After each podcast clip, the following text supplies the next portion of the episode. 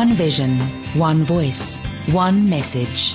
Radio Pulpit 657 AM and 729 Cape Pulpit, impacting lives from Gauteng to the Cape.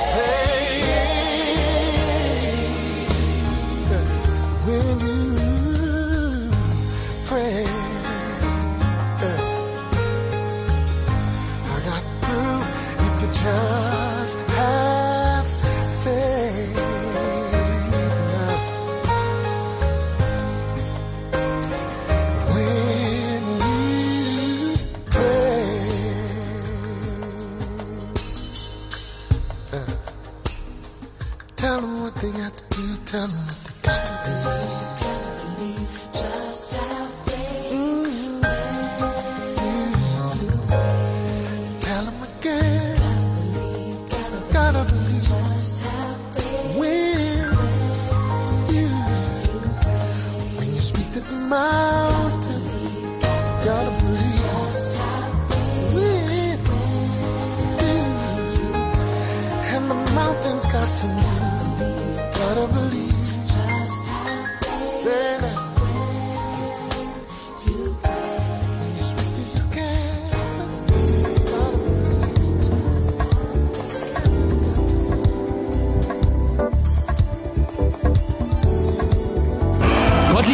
Revolution 16 Junie 2023 Lewende Woord Myn Campus Promeria Pretoria.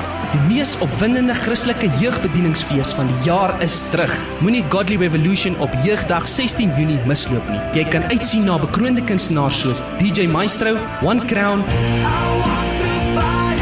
Minke Brits, Fusion Band, Hillsong SA en vele meer. Met lewensveranderende musiek en getuienisse. Hierdie geleentheid het al duisende jeuglewens verander. Nou doen ons dit weer op Jeugdag 16 Junie by Lewende Woord Kerk in Bromeria, Pretoria. Godly Revolution, by verre die heel beste manier om Jeugdag te vier. Kaartjies beloop R200 per persoon by quicket.co.za. Voel jy asof jou emmer te vol is? Is jy moeg, gespanne en angstig? Dis so maklik om op te gee wanneer die lewe se skroefies vir jou vasdraai. Klink dit soos jy? Dan is Radio Kansel se bytvas seminar van 19 Mei met sprekers Lenet Beer, Gustaf Gous en sangeres Lisa Katske net vir jou bedoel. Kom leer by die beste van die bestes hoe om vas te byt in moeilike tye vanaf 8:30 voormiddag tot 12:30 namiddag by Lewende Woord Bromeria in Pretoria.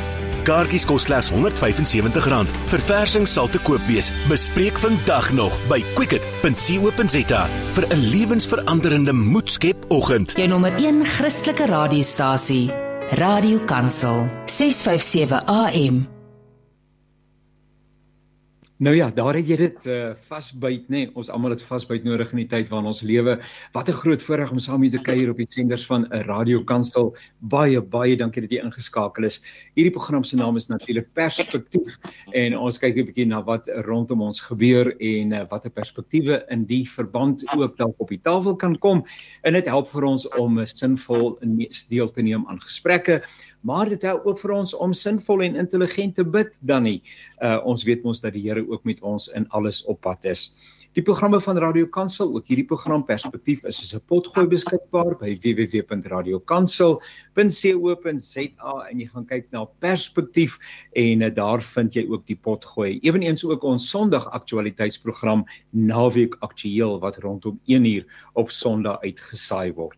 Dis 'n baie baie groot voorreg. My naam is Janie Pelser en ons gaan sommer 'n hond uit die bos uit kuier.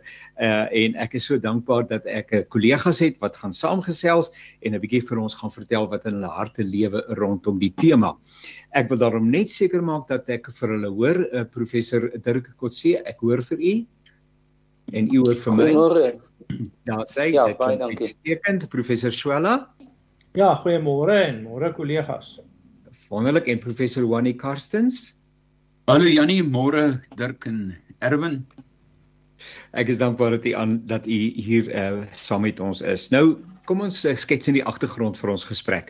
Vryheidsdag is 'n Suid-Afrikaanse openbare vakansiedag wat jaarliks op 27 April herdenk word ter herinnering aan die land se eerste demokratiese verkiesing wat op die dag in 1994 begin en die dag daarna geëindig het. Die verkiesings was die eerste nie-rassige nasionale verkiesing waar almal oor die ouderdom van 18, insluitend nie-burgers toegelaat is om te stem. Geen kieserslys is gebruik nie en tydens vorige verkiesings onder die apartheidsregering het nie blankes of dan nou swart mense uh, 'n uh, beperkte stemreg gehad. Dit is bykans 30 jaar gelede. Ons het sommer nou die dag Vryheidsdag gevier nie waar nie. En die vraag is waarvan het ons vry geword? Waartoe roep hierdie vryheid ons? Wat maak 'n mens met die dinge wat jou vryheid wil inhibeer?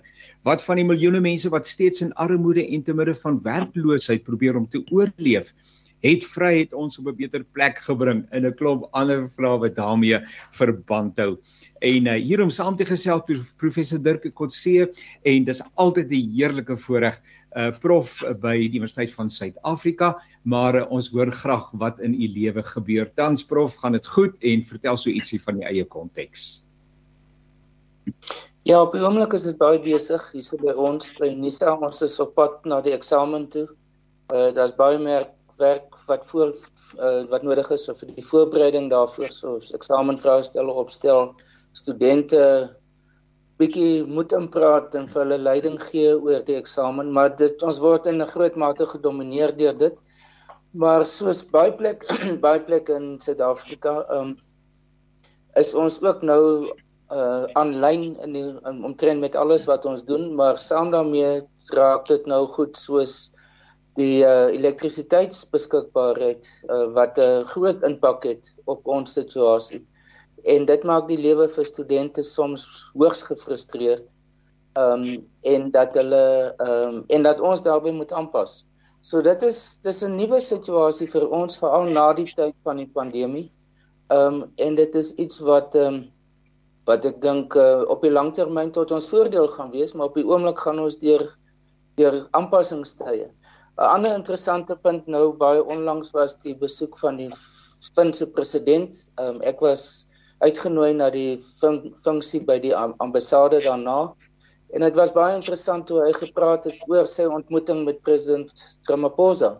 Uh wat gewoonlik nie oor gepraat word uh by sulke geleenthede nie, maar hy het hy's 'n ander tipe van persoon. Um dink ek as die meeste politici wat ons ken, of selfs presidentsfigure. Um en dit was nog baie interessant om hom so van naby te sien. Fantasties. So miskien uh, uh, raak dit ter sake in ons uh, saamkuier vanoggend en ja, die elektrisiteitsprobleem is vir ons regtig 'n uitdaging. Uh daar was 'n moontlikheid en is 'n moontlikheid dat Dani van Wyk uh, van die daknetwerk ook saam met ons kuier, maar hy het juis op hierdie stadium probleme uh om uh aanlyn te kom vanweë uh elektrisiteitsuitdagings. So ons kyk uh hoe dat die tyd wat voor lê uh dit dalk vir hom moontlik maak. Uh daarbenewens dan 'n uh, professor uh, Wannie Wannie Karstens en uh, uh my inligting is hy's 'n buitengewone professor in Afrikaanse taalkunde aan die Noordwes Universiteit. Maar die lewe gebeur professor Wannie, is dit nog steeds die situasie? Jannie, dit is nog steeds so. Ek is afgetree en nog steeds 'n buitengewone professor aan die NWU. Maar afgesien daarvan is ek ook 'n navorsingsgenoot by die Afrikaanse Taalraad waar ek by 'n hele klompie projekte betrokke is. uh, Een groot projek wat ek in die verlede gehad het is natuurlik die kwessie van versoening in Afrikaans wat ook 'n vorm van vryheid is waaroor ons vandag sal praat. En dan moet ek ook net meld ek is pas terug van 'n wonderlike 3 weke uh, uit Namibië en uh, dit was ongelooflik. Dit is vir my lekker om terug te gaan na my wortels ons is dankbaar dat u uh, saam met ons is en uh, baie sterkte en seën ook uh, daarvoor. En dan professor Erwin Schwella en uh, ek gaan nou vinnig hier skry in Afrikaans vertel soos ek hom hier vind op die internet. Uh ek vertrou dis nog in orde. Uh, Erwin Schwella is die uh is die dekaan van die newly established School of Social Innovation, sosiale innovasie iets van daardie aard by Huguenot College.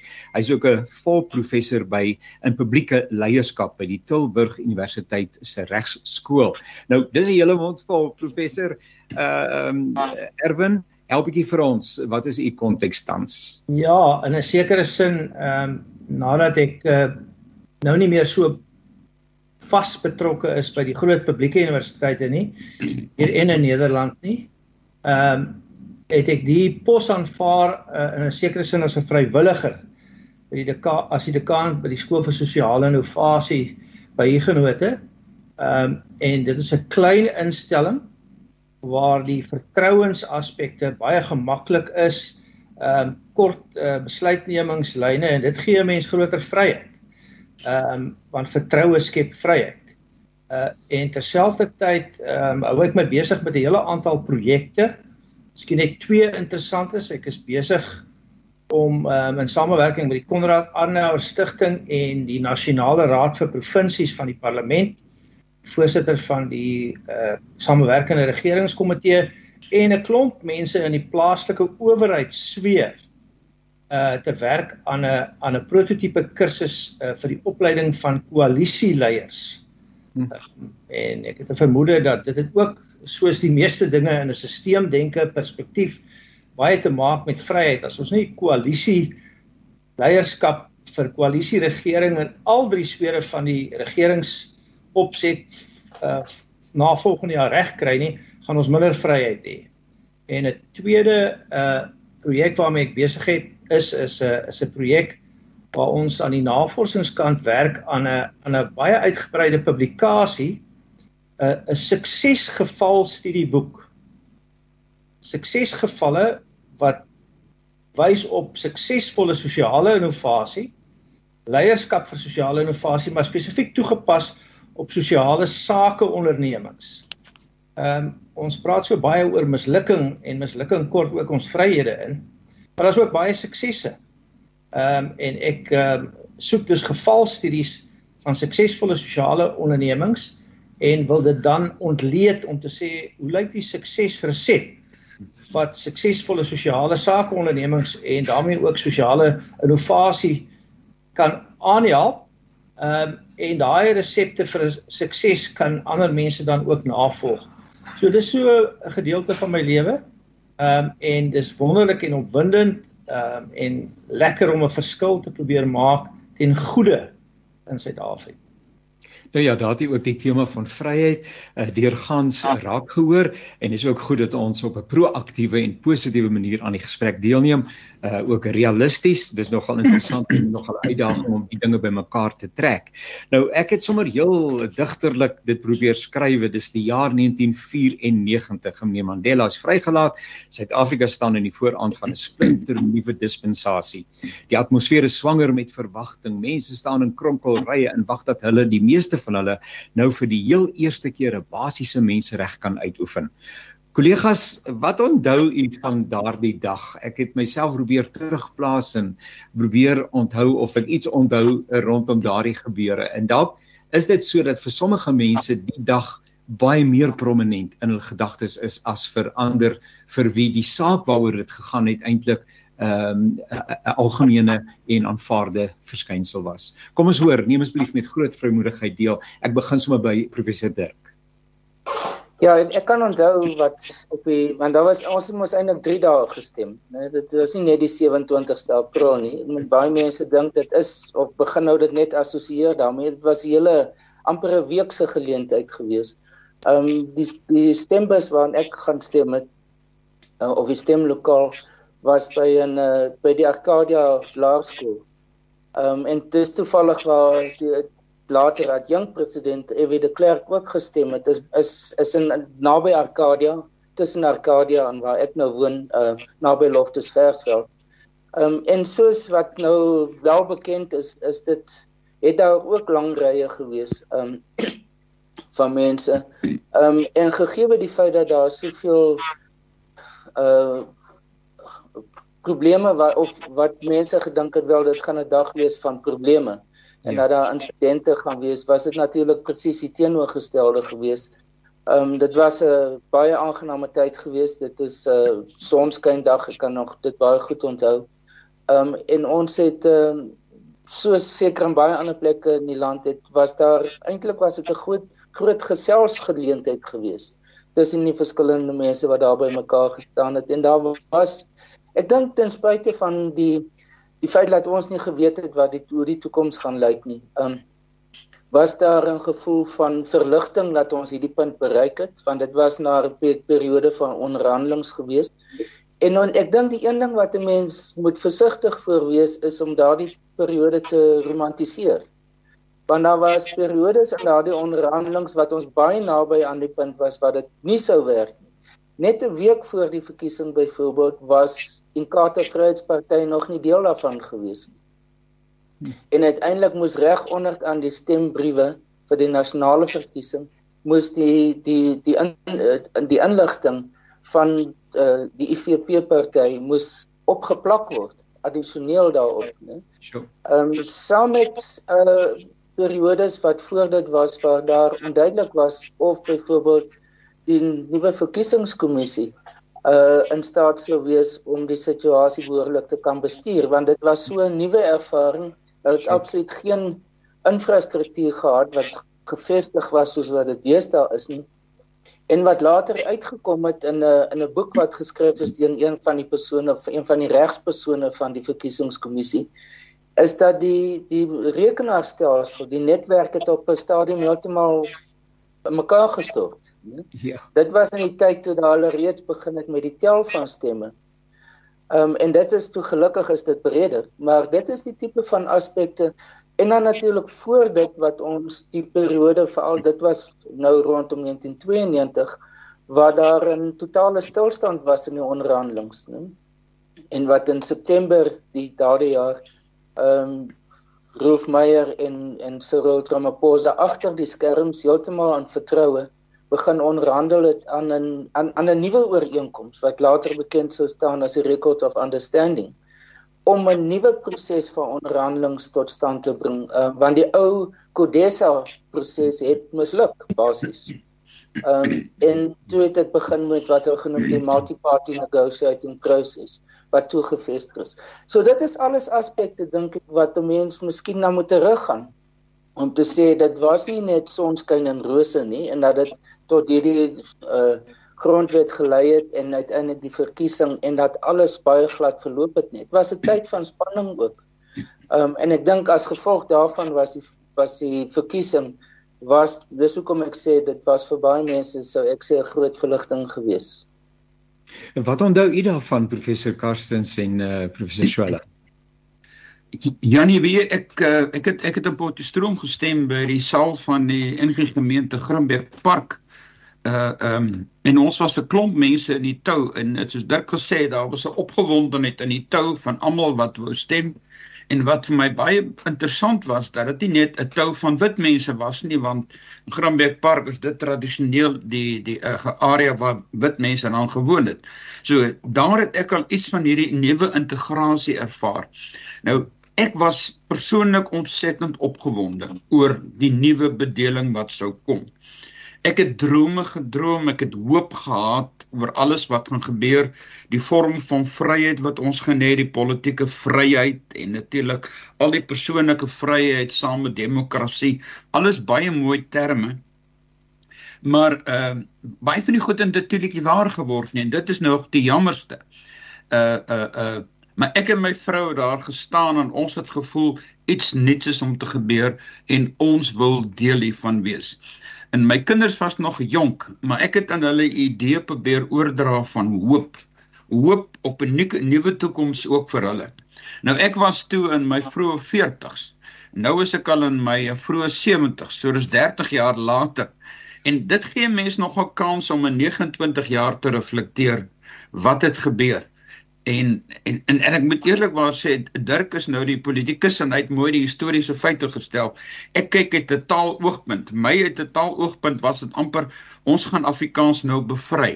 Afrikaans gaan deel van 'n nuwe taalbedeling word weg van die twee taalbedeling na 11 taalbedeling waar Afrikaans deel van die nuwe bedeling gaan word. Maar nou 29 jaar later het alles nie gebeur nie. So 27 April Vrydag het vir ons die belofte van 'n vryheid ingehou. Maar nou is die belangrike ding, het dit gerealiseer. Ek lees ver oggend 'n artikel van Ismail Lakkerdien in die Vrye Weekblad waarin hy sê alles wat uiteindelik al wat uiteindelik oorbly van is net die hoop die hoop dat die vryheid wat ge aan ons beloof is wel sal realiseer. En dit is waarmee ek my in die gang hou. Sjoe, uh, hierdie is namens 'n belangrike perspektiewe en inderdaad uh, soos u nou sê professor Wannie dat ehm um, ons op 'n manier die voorreg het om hierdie proses te kon meemaak. Ons is bykans 30 jaar volgende jaar 30 jaar aan die ander kant daarvan, maar wat ons was ook vir 'n beduidende deel van ons lewe deel van 'n vorige 'n bedeling. En nou professor Erwan uh, in in saam met dit wat nou al gesê is, miskien u uh, herinneringe aan daardie dag, uh, maar maar daar was tog ook daai gevoel van ons het skielik in Suid-Afrika van die muishond van die wêreld uh, het ons op 'n manier ook 'n uh, 'n uh, voorbeeld geword van hoe dinge gedoen kan word. Want daar was uh, al die onheils uitsprake uh, ek weet nou nie of die nag van die lang messe daarmee verband hou nie. Ek het so 'n idee, uh, maar dat uh, dat dinge uh, baie baie sleg sou gaan. En hier wrintie waar deur die genade sekerlik van bo uh, was ons in staat om hierdie oorgang uh, te beleef sonder uh, bloedvergieting. Professor Erwin? Ja, ek um, werk deesdae baie met teoloë saam en ek weet van teologie eintlik relatief min. Ek is eintlik maar net gelowig omdat ek so sondig is. dit 'n goeie teologie is nie, dit lyk my vir my werk. Uh, nou ehm um, ek weet ook uh, in teologiese terme is daar baie sprake van wonderwerke. Ek het 'n uh, op 'n manier 'n naïewe geloof daarin, maar ek het 'n baie groot geloof ook in in harde werk. So wonderwerke vereis eintlik harde werk. En ehm um, ehm ek dink ook nie eintlik in terme van plekke nie. Ek het uh, soos dit uitgewerk het by die uh eh, NG gemeente van Kenridge hier in die in die Wes-Kaap gaan stem, baie dieselfde ervaring uh gehad van van my kollegas. Maar ek dink nie aan plekke noodwendig nie. Ek dink in ruimtes. Sodra jy jou denkraamwerk verskuif verskuif van 'n plek na 'n ruimte, raak 'n uh, oneindige hoeveelheid kombinasies en verbindinge moontlik. Nou, ehm um, 'n laaste punt miskien hier vir die oomblik net ter inleiding. Ek het ook in die, in die proses geleer dat alles van waarde is weerloos.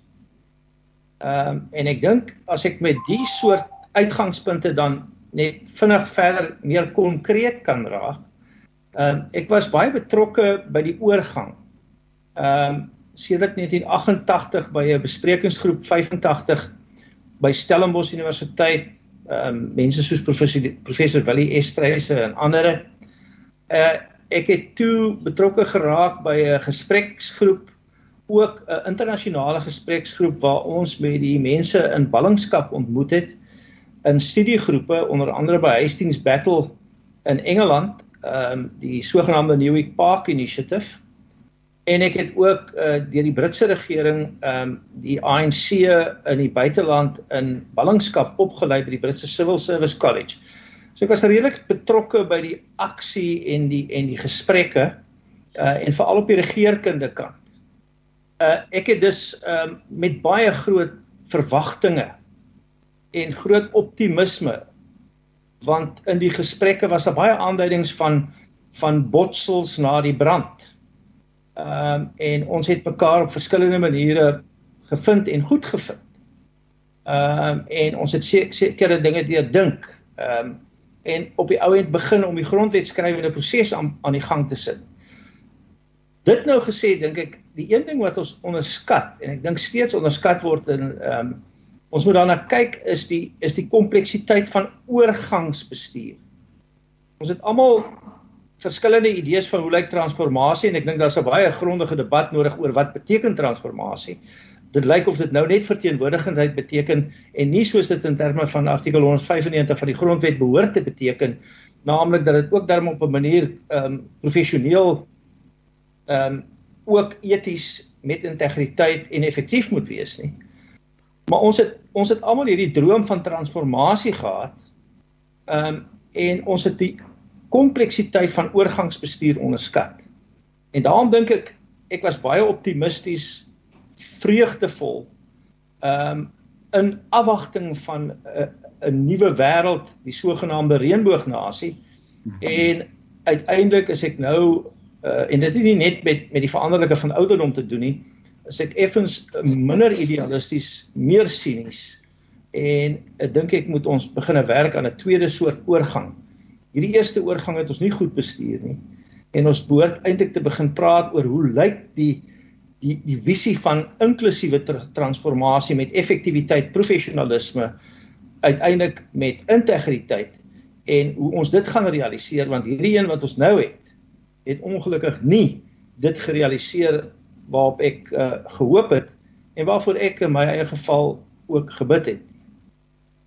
Kan ek vinnig net uh, net 'n opmerking dalk professor Dirk uh, as ek daaroor dink um, uh, ons apartheidsverlede uh, gaan ons nie ontwyk nie dit bly deel van ons werklikheid. Ehm um, maar ek dink iets waarvoor nou dis moeilik om te formuleer. Ons wat deel gehad het aan daai bedeling uh wat vergeet word is dat ons ook iewers gekom het waar ons gesê het ons kan nie langer so aangaan nie. En dat die erkenning vir daardie besluit uh wat nie maklik gekom het nie uh vanweë seker baie redes maar dat 'n mens nie altyd die erkenning ontvang en dat 'n mens steeds met die verwyte van die verlede moet deel maar nêrens kom dit ter sprake maar iewers het julle daarom by wyse van spreuke tot inkeer gekom tot bekering gekom nie professor dit Ja, dis dis baie waar. Ehm um, en ek dink dit gaan vir ons geslag gaan dit baie moeilik wees om dit werklik te kan hanteer en te normaliseer. Ehm um, ek dink dit is geslagte vorentoe gaan dit miskien op 'n heeltemal ander manier beleef. Want ek dink in ons geval was dit in in in realiteit waardeur ons self geleef het. In die toekoms gaan dit in realiteit wees wat meer 'n soort van 'n historiese gegewe is. Ek dink wat wat ook belangrik is is is dat ons vanaf 1994 tot tot waar ons vandag is ook deur verskillende fases gegaan het van hoe ons in 'n sekere sin aangepas het, maar terselfdertyd ook moes integreer in hierdie nuwe samelewing wat besig was om tot stand te kom en nog steeds besig is om tot stand te kom. En ek dink byvoorbeeld volgende jaar met die verkiesing gaan 'n belangrike mylpaal wees in hierdie oorgangsproses nog steeds. Vir my is die oorgangsproses ver van afgehandel.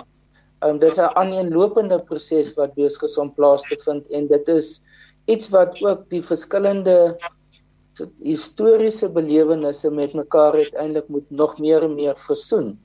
Um, ek dink dit is hoekom byvoorbeeld baie mense sê dat die vryheids die uh, waarheidskommissie het eintlik was te kort, dit was net 2 jaar gewees. Um en dit het tot te vinnig tot 'n einde gekom dat daar nie 'n 'n opvolgingsproses daarvoor was nie. En ek dink dit sou vir baie mense van ons generasie sou dit miskien in in 'n medium geskep het, 'n geleentheid geskep het om in 'n meer gestruktureerde vorm of uh daarbey betrokke te wees. Ehm um, daar is verskillende instellings soos byvoorbeeld die instituut vir in Engels is die Institute for Justice and Reconciliation in in Kaapstad. Ehm um, wat gevorm het as wat deur uh deur uh, verskillende persone wat by die waarheidskommissie betrokke was gevorm is en veral uit 'n teologiese perspektief um, om dit verder te voer. Um, maar dit het nie werklik in 'n soort van 'n algemene